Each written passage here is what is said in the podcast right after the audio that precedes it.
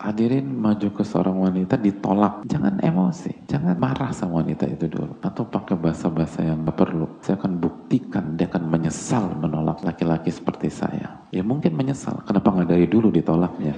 Kan bisa jadi.